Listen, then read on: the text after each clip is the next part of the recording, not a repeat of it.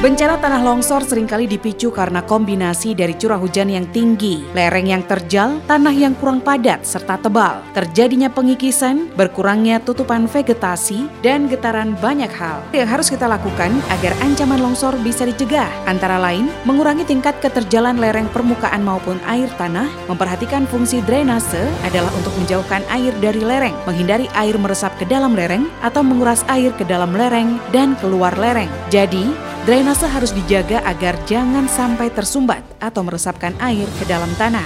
Hindarkan daerah rawan bencana untuk pembangunan pemukiman dan fasilitas utama lainnya. Teras siring dengan sistem drainase yang tepat. Pada teras-teras dijaga jangan sampai menjadi jalan meresapkan air ke dalam tanah. Penghijauan dengan tanaman yang sistem perakarannya dalam dan jarak tanam yang tepat, khususnya untuk lereng curam dengan kemiringan lebih dari 40 derajat atau sekitar 80 persen, sebaiknya tanaman tidak terlalu rapat, serta diselingi dengan tanaman yang lebih pendek dan ringan, dan di bagian dasar diberikan tanaman tanaman rumput, mendirikan bangunan dengan fondasi yang kuat, melakukan pemadatan tanah di sekitar perumahan, pembuatan tanggul penahan untuk runtuhan rock fall, penutupan rekahan di atas lereng untuk bisa mencegah air masuk secara cepat ke dalam tanah. Pondasi yang panjang sangat disarankan untuk menghindari bahaya likuifasi. Utilitas yang ada dalam tanah harus bersifat fleksibel. Dalam beberapa kasus, relokasi sangat disarankan tidak mendirikan bangunan permanen di daerah tebing dan tanah yang tidak stabil, membuat selokan yang kuat untuk mengalirkan air hujan. Waspada ketika curah hujan tinggi, jangan mengunduli hutan